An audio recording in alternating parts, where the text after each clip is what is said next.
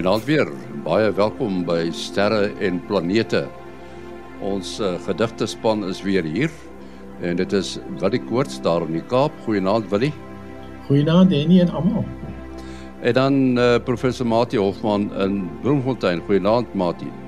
Goeienaand Henny, naand luisteraars, naand Willie. Ons gaan begin met 'n uh, interessante stukkie nuus wat uh, heel onlangs verskyn het en dit gaan oor 'n baie groot sterrestelsel wat uh raak geloop is by wyse van spreuke. Miskien Mati moet ons net eers verduidelik, jy weet, ons praat hier van 'n sterrestelsel of sommige mense praat van 'n galaksie. Uh, wat is die verskil tussen 'n sterrestelsel en 'n sonnestelsel? Uh nee, 'n sonnestelsel is groot. Uh ons kan nou maar dink aan ons eie uh sonnestelsel. Uh Uh ons weet dit vat uh 'n paar maande, 7 maande plus om 'n ruimtetuig na Mars uh, wat nou een van die nader planete aan ons is en uh toe hulle sending na Pluto gestuur het, uh het dit 10 jaar geduur. Uh maar in terme van die spoed van van lig, hoe lank dit lig vat om deur 'n uh, ons sonnestelsel te beweeg, uh, is dit vat dit so 'n paar ure tot op die buitewyke van ons sonnestelsel. Die son is 8 ligminute groot. So uh, in terme van okay, as ons nou van afstand praat wat lig in 'n sekere tyd beweeg, uh ek hou maar net in gedagte, uh lig beweeg mos teen 'n spoed van 300 000 km per sekonde. 300 000 km wat baie vinnig is. Dit is hoe ver jy as jy baie lank met 'n motor gery het met daai motor gery het, maar die lig doen dit nou in uh in 1 sekonde. En dan as jy nou 'n uh, klompie ligminute vat, het jy die naaste planete en as jy 'n paar ligure vat, dan sê jy by die uitwyke van ons sonnestelsel. So in elk geval kleiner as 'n ligdag. As ons nou praat van 'n sterrestelsel, is dit iets baie groter. Nou die sterrekundiges het van lank terug uh afgelei dat ons bly in 'n stelsel van een of ander aard eh, want ons sien hom van binne af by wyse van die band van die Melkweg en hulle het dit nou maar die die Melkwegstelsel genoem en hulle het ook gedink dit is die heelal. Uh tot so 120 jaar gelede, bietjie minder as 120 jaar gelede toe hulle nou agterkom nee, eh, die Melkweg is inderdaad 'n sterrestelsel, maar daar is ander en die eerste ander een wat nou so afdoende uh, aangetoon is dat dit ver buite ons Melkweg was was die Andromeda sterrestelsel uh soortgelyk in grootte bietjie groter as ons sin um op 'n afstand van so ongeveer 2,4 miljoen ligjare. So dit vat lig 2,4 miljoen jaar om daai afstand af te lê wat natuurlik 'n vreeslike lang tyd is op ons menslike skaal 'n verskriklike lang tyd en dis ons naaste ander groot sterrestelsel. Dan het ons nou twee ander uh die sogenaamde Magellaanse wolkies uh wat mense in die suidelike halfrond baie mooi kan sien op 'n donker plek.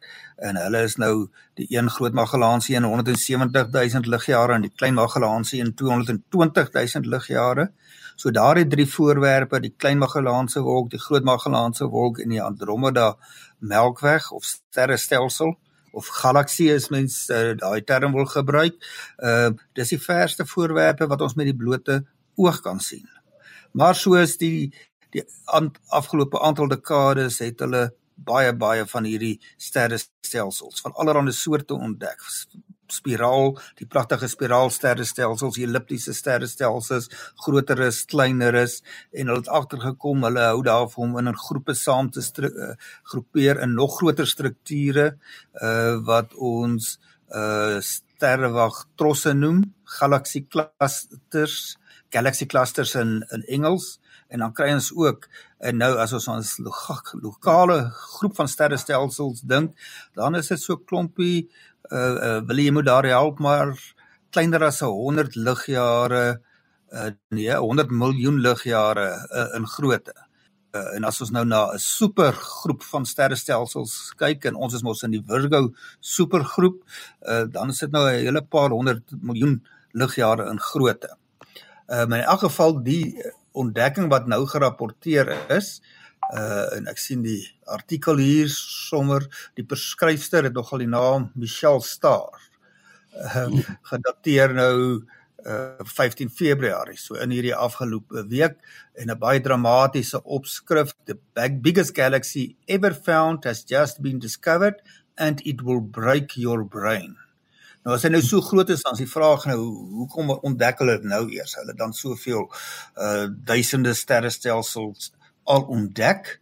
Ehm uh, nou die sterrestelsel is 3 biljoen ligjare van ons af, so dit is baie ver.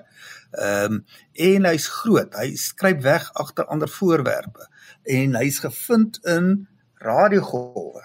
Hulle noem ook daarna as 'n 'n reuse radiogalaksie. Uh dit's omdat dit 'n baie relatiewe sterk radiogolwe uitstraal. Nou die grootte word beraam op 16,3 miljoen ligjare in sy langste afmeting.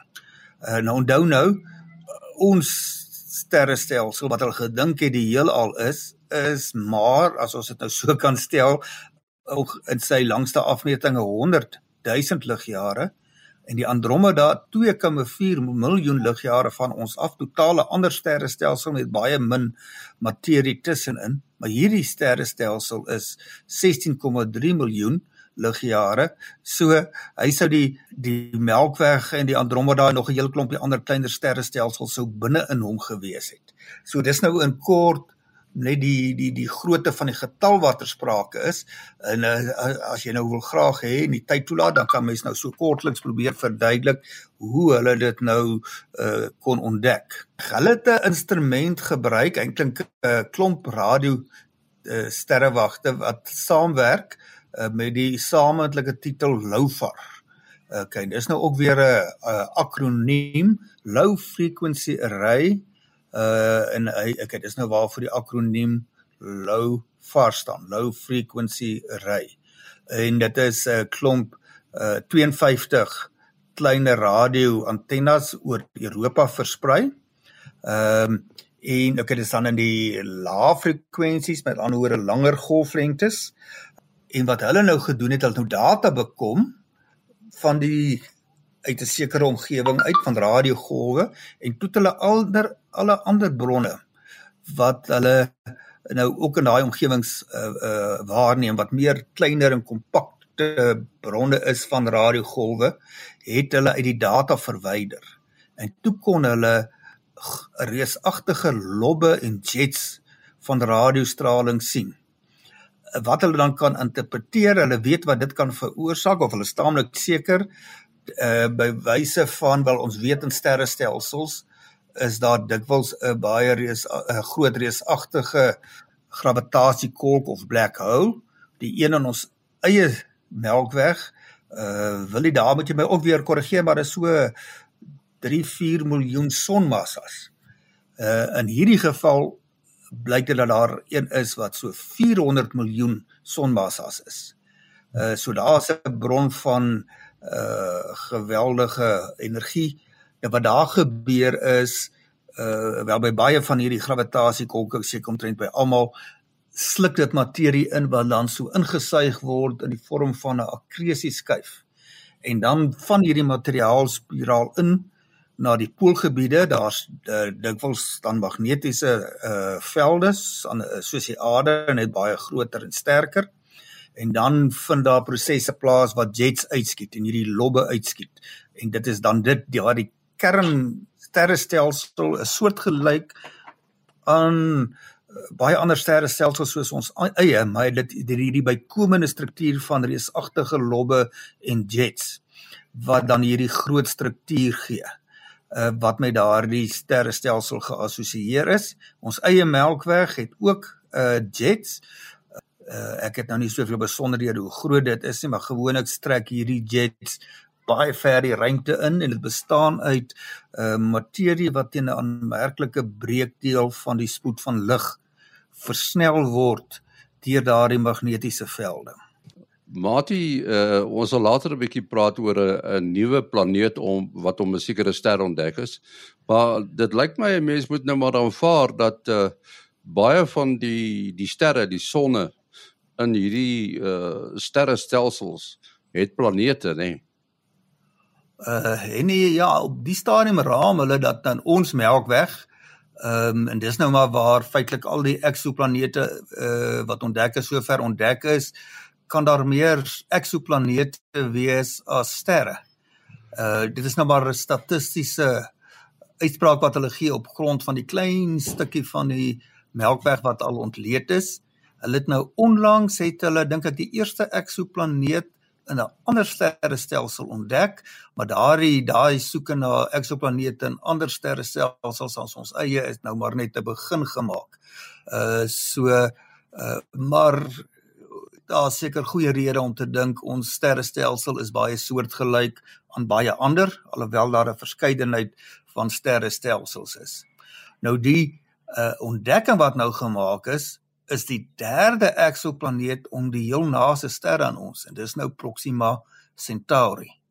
Nou kan mens net bloot statisties dink. Sê nou ons het nou 'n uh, 'n soekgeselskap wat nou gaan diamante soek op 'n strand en ons is daar 'n groepie en ons sê wel ehm uh, uh, julle gaan nou elkeen vir julle 'n vierkante meter uh af uh, afsteek en dan soek julle daar vir diamante. Ag en 'n uh, 'n minuut later uh, kom die ouens wat in die eerste uh, eerste meter weg, die eerste vierkante meter deursoek het en hulle sê ons het drie diamante gekry. Dan gaan ons verseker aflei hier's baie diamante op hierdie strand. Uh, want die kans dat die enigste drie diamante wat op daai strand is nou juist daar sou wees is mos nou baie skaars. So net die feit dat die heel naaste ster dan reeds 3 eksoplanete opgelewer het, is statisties beduidend. Nou kan ons paar name onthou. Dis eintlik maklik want ons almal is ontleen aan Proxima Centauri. So Proxima Centauri, die ster self word na verwys as Proxima A en dan die drie eksoplanete is dan B, Proxima B, Proxima C en Proxima D. OK, dis maklik genoeg en die een wat nou ontdek is is uh, Proxima D en wat van hom interessant is is dat dit die dink ek die kleinste eksoplaneet is wat nog ontdek is met 'n massa maar ongeveer 'n kwart van die massa van die aarde. So 'n klein eksoplaneet. En onthou nou, uh, al is dit nou die naaste ster is nog steeds ongeveer 4 ligjare van ons af, af of anders gestel 40 miljoen miljoen kilometer as mens nou sommer net afrond. So dis nog steeds 'n baie klein dowwe voorwerp uh wat absoluut waarvan die bietjie lig absoluut verdwerg word deur uh die gloed van daai ster. En ons kan nou nie eers die ster sien met die blote oog of 'n klein teleskoopie nie. Mens het nog steeds 'n redelike groot teleskoop nodig net om daai ster Proxima Centauri sigbaar te maak.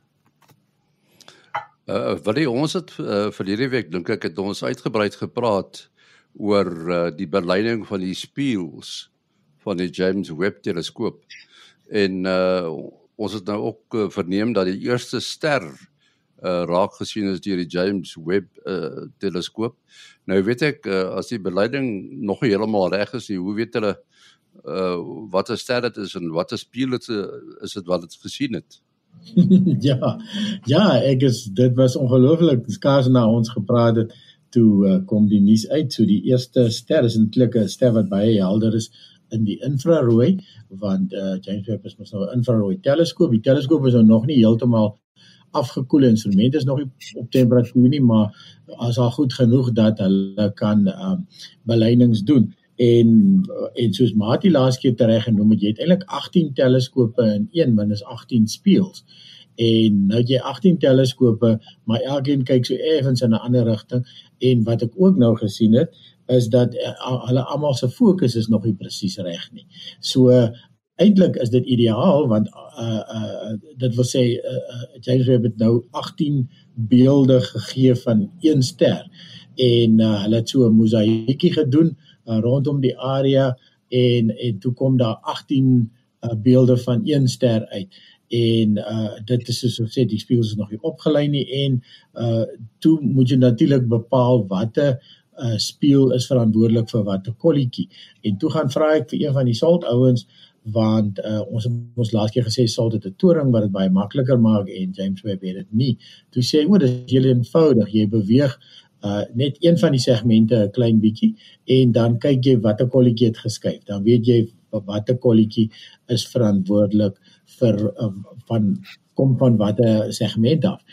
En dit is eintlik goed dat jy op die stadium 18 beelde het wat so eentjie mekaar uit is want wat hulle nou gaan doen is hulle gaan elke een eers uh, presies fokus en is almal mooi gefokusde 18 kolletjies gee dan gaan jy begin en die en die kolletjies na mekaar toe beweeg dat hulle een gesamentlike kolletjie vorm. Ja, so dit is wonderlike nuus om al die die eerste uitfokus uh ongekolombeerde beeld te sien vanaf die James Webb teleskoop. Hmm. Uh, uh Willie, ek kan net, net hier 'n vraag as dit nou oor die fokus gaan. Uh, een ding wat ek reken moet gebeur is dat die spieël elke spieelsegment 'n klein bietjie langs die optiese as uh beweeg moet word om die afstand vanaf die spieël tot by die waar die fokuspunt moet wees effens te verander. Maar ek het ook uh iewers ge, gelees dat daardie meganisme wat die wat agter die spieëls is die uh dit het nou 'n mooi naam wat jy vir ons net weer kan herinner maar wat hom nou bietjie kan kantel ehm uh, maar dat daar ook 'n druk in die middel uitgevoer kan word met ander woorde waar die krommingsradius 'n klein bietjie kan verander sodat op die ou end al hierdie spieël saam 'n perfekte parabool kan 'n gladde parabool kan uh kan vorm. Uh, ja, dis reg. Ja, so die die die meganisme waarop wat die spieël se se se oriëntasie beheer wat hulle kan tip en tilt is is 'n hexapod en dis presies dieselfde stelsel wat uh salt se hele loonvrag ook beweeg. So dis basies ses beentjies waarop hy staan en elkeen kan ons het laas keer gesê so so min soos 'n 'n 'n die grootte van 'n rookpartikel kan jy dit beweeg uiteindelik en ehm um, so dit is dan om die tiptil te doen en dan soos jy sê dan dat jy ook piston wat ons noem wat die hele segment nader en verder geskei word aan aan die sekondêr om om die fokus te doen. En dan soos jy ook gesê het wat James Webb ook kan doen is die spieël self se vorm kan baie baie effens verander word sodat hy 'n perfekte parabool is. So elke spieël is dan 'n perfekte parabool wat dan vir jou uiteindelik in uh wat is dit 'n uh, 6.5 meter of wat ook al die effek die effektiewe grootte van die 18 spieëls wat dan saamwerk. Ja. Nou die op die sterre en planete Facebook groep het jy ongelooflike video geplaas van 'n persoon wat nogal sulke video's plaas om van hierdie sterrekundige konsepte te verduidelik wat 'n uh, 3 met 'n 3D drukker het hy daardie meganisme vir homself 'n modelletjie gebou. Uh kan kan jy dalk so op die lig sê wie's die hoe kan die luisteraars daardie videoetjie gaan kry vir die ouens wat nou meganies geïnteresseerd is in uh in radverhoudings en hoe jy nou kan regkry om gelyktydig millimeter skaal uh korreksies te kan maak en 'n miljoen maal kleiner korreksies te kan maak op die nanometer miljoenstes van 'n millimeter skaal. Dis reg, ja, ja, ons het ons laas keer ons dit so 'n bietjie bespreek. ek het ongelukkig nie die nie die persoon wie dit uh die die YouTube uh, ou nie. Ek het die skakel gekry van af um, 'n uh, persoon wat jare gelede die redakteur van die Astronomy Magazine was wat ek 1 jaar by Scope X ontmoet het Richard Berry en uh, ek kry altyd baie interessante sulke goedjies vanaf vanaf sy Facebook. As mense wil gaan kyk, dit dit is nogal redelik bespreek gewees op die op die op die Facebook uh, van uh, sterre en planete ook. Hier uh, wat hier is 'n luisteraarsbrief uh, Piet Broodvoet, is 'n interessante naam. Kaalvoet Piet. En hy hy hy sê die Amerikaners die gee altyd voorspellings wat in uh, hulle hemelruim aangaan. Dis natuurlik noordelike halfrond. Nou wil hy weet of uh, daar nie ook so iets kan gebeur hier in Suid-Afrika nie. Maar ek meen sterre en planete doen dit mos. Ja, interessante vraag. Uh wat hy sê die Amerikaners oorheers nou die wêreld en en en dit is natuurlik hoe dit nou werk. Ehm um, want jou meeste mense is in die noordelike halfrond en uh, dit is maar waar sterkende sy beslag gekry het en so aan so as mense altyd enige nuus sien um hier later in die jaar hier by maart april dink ek is daar byvoorbeeld 'n uh, gedeeltelike maans nee as dit daar's 'n volle maansverduistering. En dit is 3 en 'n half jaar gelede sedert die Amerikaners 'n um 'n maan 'n totale maans maansverduistering gehad het. 'n Deel van Amerika gaan dit sien. Nou kan mens nou weer sien hoe gaan die nuus die hele wêreld versprei uh, uh en um so mense is altyd altyd versigtig wees wanneer hulle nuus kry dat jy moet seker maak dit is van toepassing op die suidelike halfrond. So ja, Pieter die, die uh, uh Lafras soos jy sê uh, jy nou gesê het gee dan klink vir ons maandeliks ons uh die begin uh van die maand eintlik die laaste program van die vorige maand gee Lafras altyd vir ons alles waar jy na jy moet kyk. Hy uh, op toe uh, opsomming op ons Facebookblad se um se dekfoto en um, en dan sal ek jou ook aanbeveel as jy wil enigiets seker maak van die sterrekundige vereniging van Suid-Afrika of ESA, Astronomical Society of Southern Africa, gee 'n jaarboekie uit met die naam van Sky Guide en Sky Guide Africa South is sy volle naam.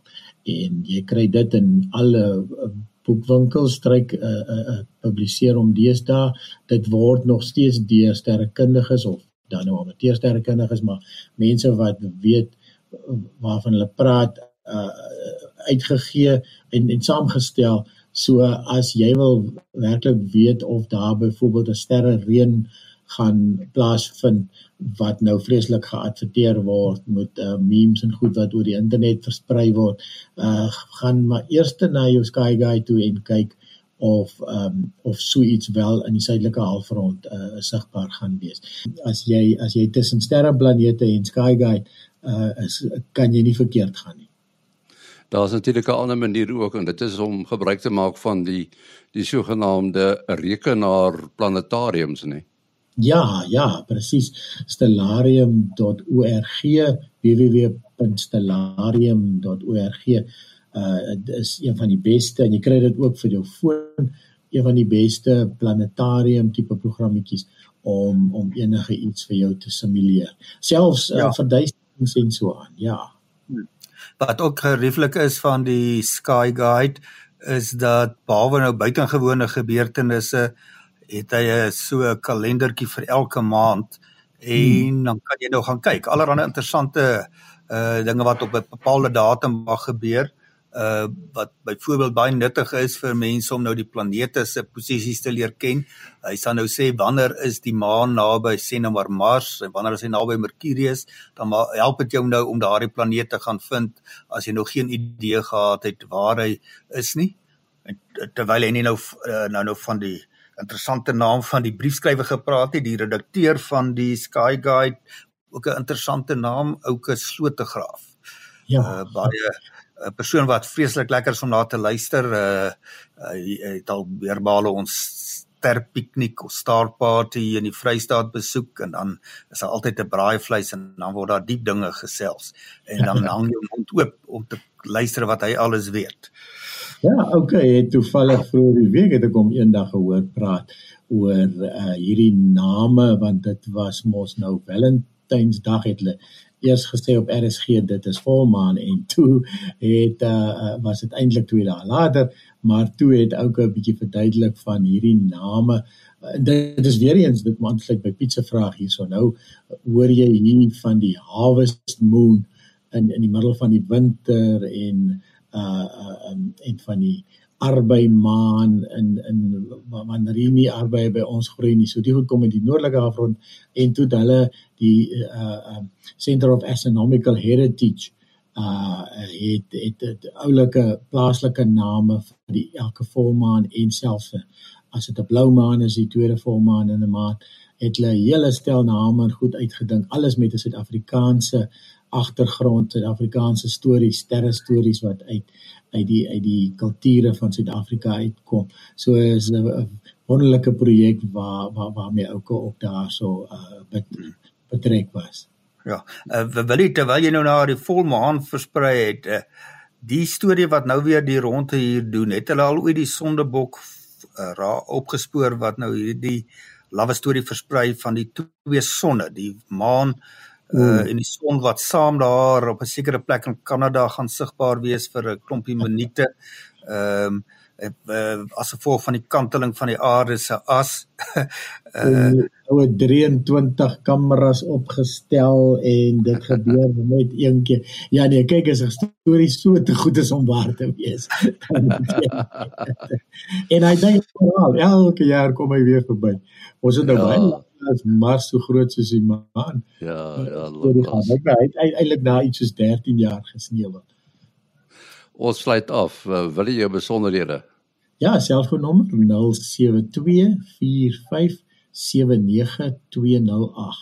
0724579208. En dan Mati 0836257154. 0836257154.